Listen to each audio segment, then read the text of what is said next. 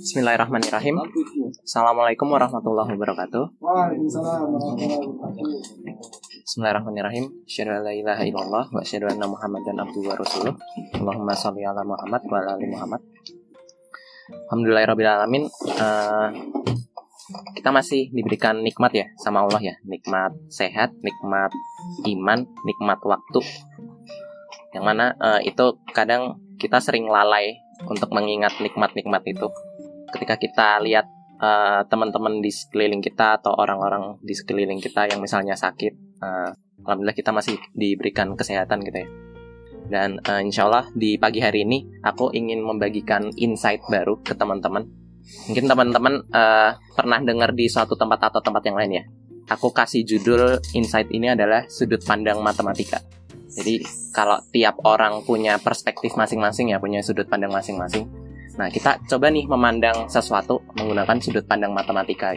Dan insya Allah aku mau bahas sudut pandang matematika ini dibagi menjadi dua poin aja ya. Yang mungkin sering sering disalahartikan oleh orang-orang. Oke, yang pertama nih, uh, pasti di antara kita sering banget dengar kata bahwa matematika itu ilmu yang eksak, ya nggak? Sejak kecil nggak sih kayak gitu? Matematika itu ilmu eksak gitu, sejak SD, SMP, SMA gitu. Tapi uh, itu pemahaman yang aku bawa juga sejak SD, SMP, SMA. Tapi ketika aku coba masuk ya ke jurusan matematika murni di ITB, justru matematika tuh yang sebenarnya ya itu udah nggak eksak lagi, malah ranahnya tuh udah abstrak gitu. Segala sesuatu itu uh, nggak akan terbentuk kalau nggak didefinisikan terlebih dahulu. Jadi semuanya itu berawal dari definisi. Jadi yang awalnya kita belajar waktu SD, SMP, SMA gitu kayak seolah-olah satu tambah satu sama dengan dua gitu. Tapi ternyata kalau udah di ilmu yang lebih tinggi di jurusan matematika, kita itu nggak bisa bilang satu tambah satu itu sama dengan dua. Kita harus mendefinisikan dulu operasinya apa.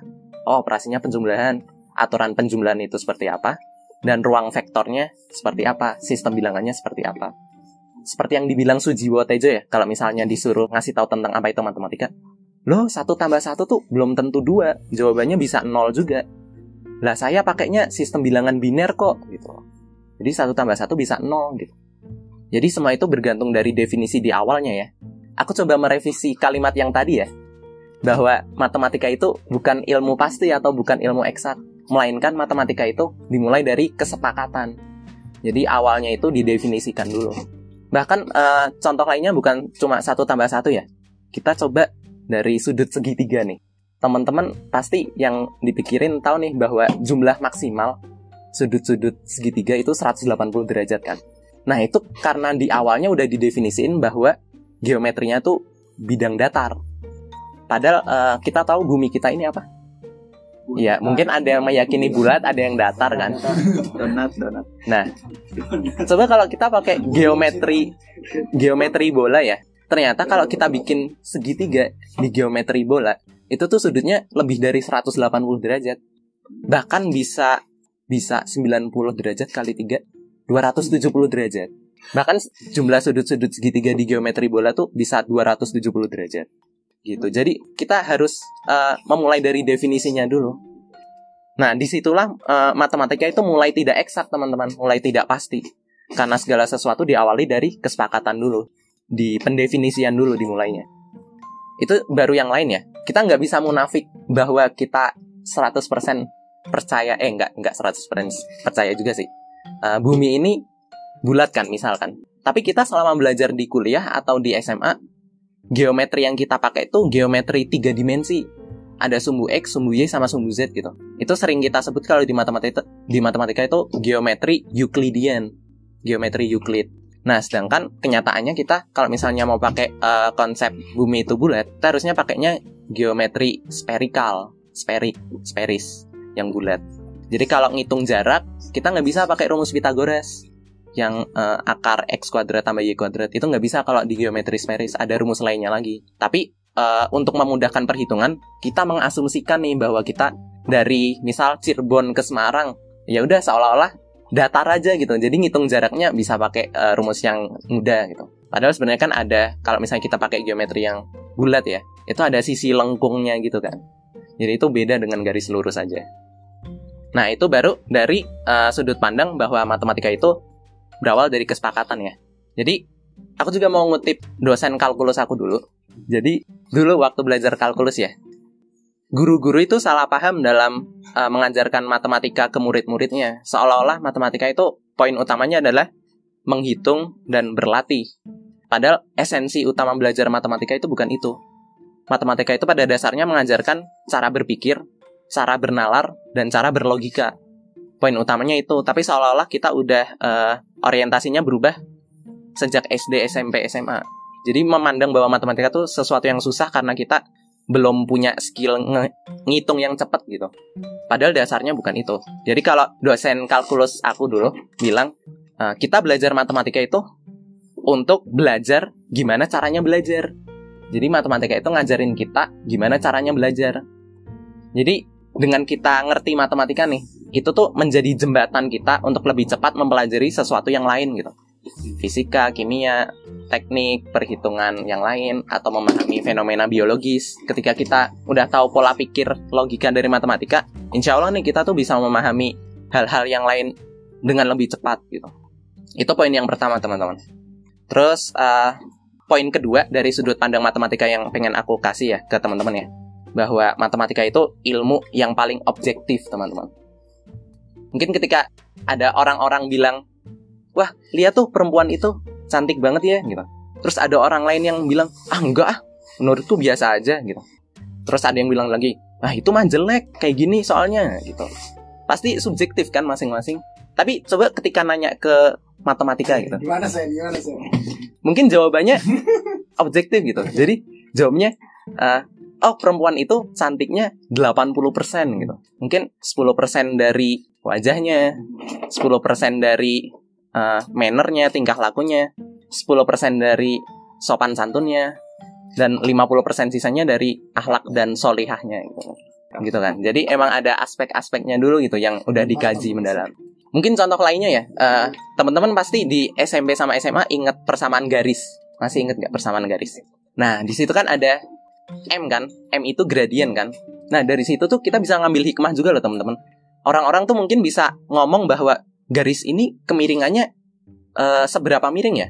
Pasti kalau nggak belajar matematika tuh bilangnya, oh datar datar, oh miring dikit dikit, oh miring banget miring banget, oh miringnya biasa aja gitu. Jadi susah terukur gitu.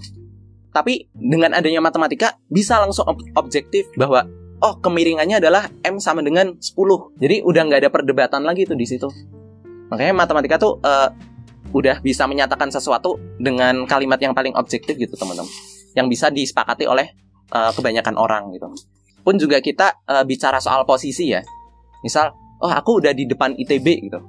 Nah, di depan ITB-nya yang mana? Di gerbang SRK atau di gerbang gerbang sipil kah atau yang Ganesa gitu.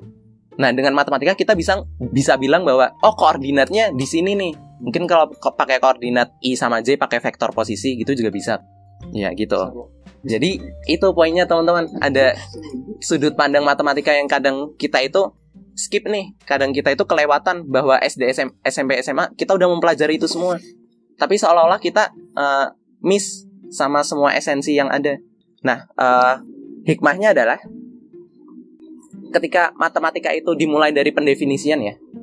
Coba kita ingat-ingat lagi deh, kita hidup di dunia ini tuh definisi awalnya tuh mulai dari siapa sih? Pendefinisian kehidupan itu berawal dan berasal dari siapa sih?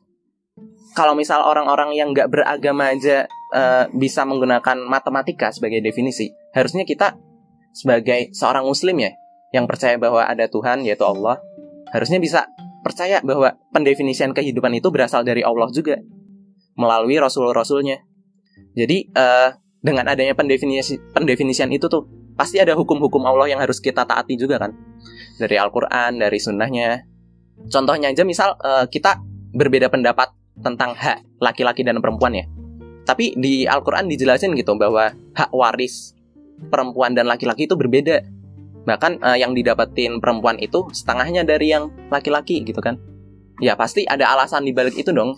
Uh, bisa kita telah kalau misalnya kita orang yang berpikir ya bahwa laki-laki itu tanggung jawabnya lebih besar menjadi seorang suami yang harus mencari nafkah gitu. Sedangkan uh, seorang istri kan bisa uh, mendapatkan nafkahnya dari suami. Nah pasti ada alasan yang bijak di balik semua itu dari hukum-hukum Allah. Nah, kita harus menyadari bahwa pendefinisian kehidupan itu pasti bermula awalnya itu dari Allah gitu. Lalu hikmah yang kedua ya dari sudut pandang matematika yang tadi tentang keobjektifan ya. Kan tadi kita memandang segala sesuatu objektifnya dari segi matematika kan. Tetapi keobjektifan yang sejati itu juga berasalnya dari Allah teman-teman. Pernah dengar yang ini nggak? Allah itu memandang kemuliaan manusia itu dari ketakwaannya. Kalau nggak salah itu di Quran surat Al-Hujurat ayat 13 ya. Jadi kurang lebih uh, artinya itu sesungguhnya orang yang paling mulia di sisi Allah itu adalah orang yang paling takwa di antara kamu gitu. Boleh jadi nih kita mandang nih, uh, wah si orang ini kaya raya gitu, wah jabatannya tinggi. Belum tentu itu yang paling mulia teman-teman. Boleh jadi nih mamang-mamang yang jualan cilok, mamang-mamang yang jualan uh, seblak basah gitu, atau mamang jualan kupat tahu gitu. Itu tuh menyimpan sholat malamnya setiap hari secara konsisten teman-teman.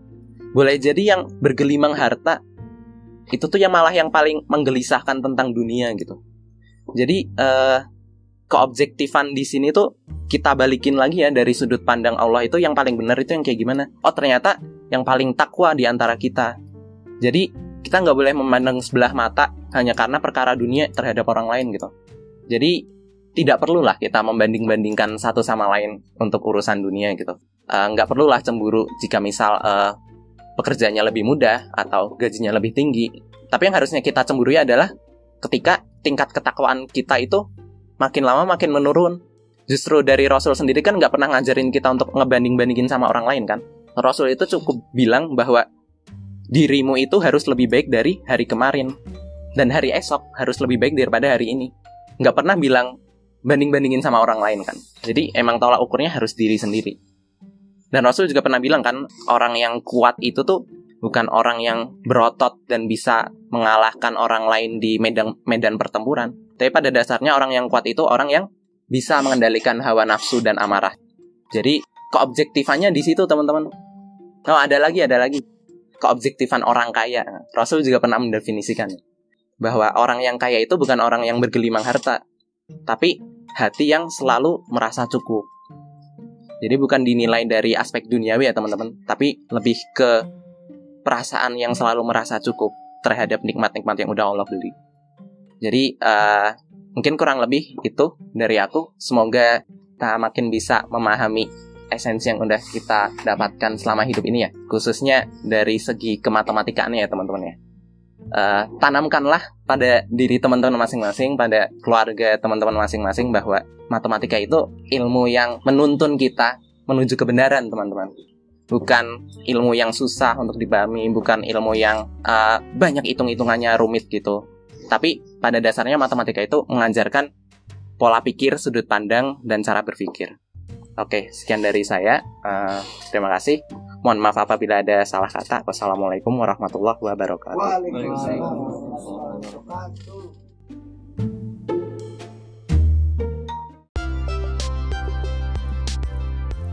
Jangan lupa untuk selalu lihat pagi-pagi sekitar jam 6 sampai jam 7 bakal ada postingan terbaru di Spotify Pojok Gedung Kai.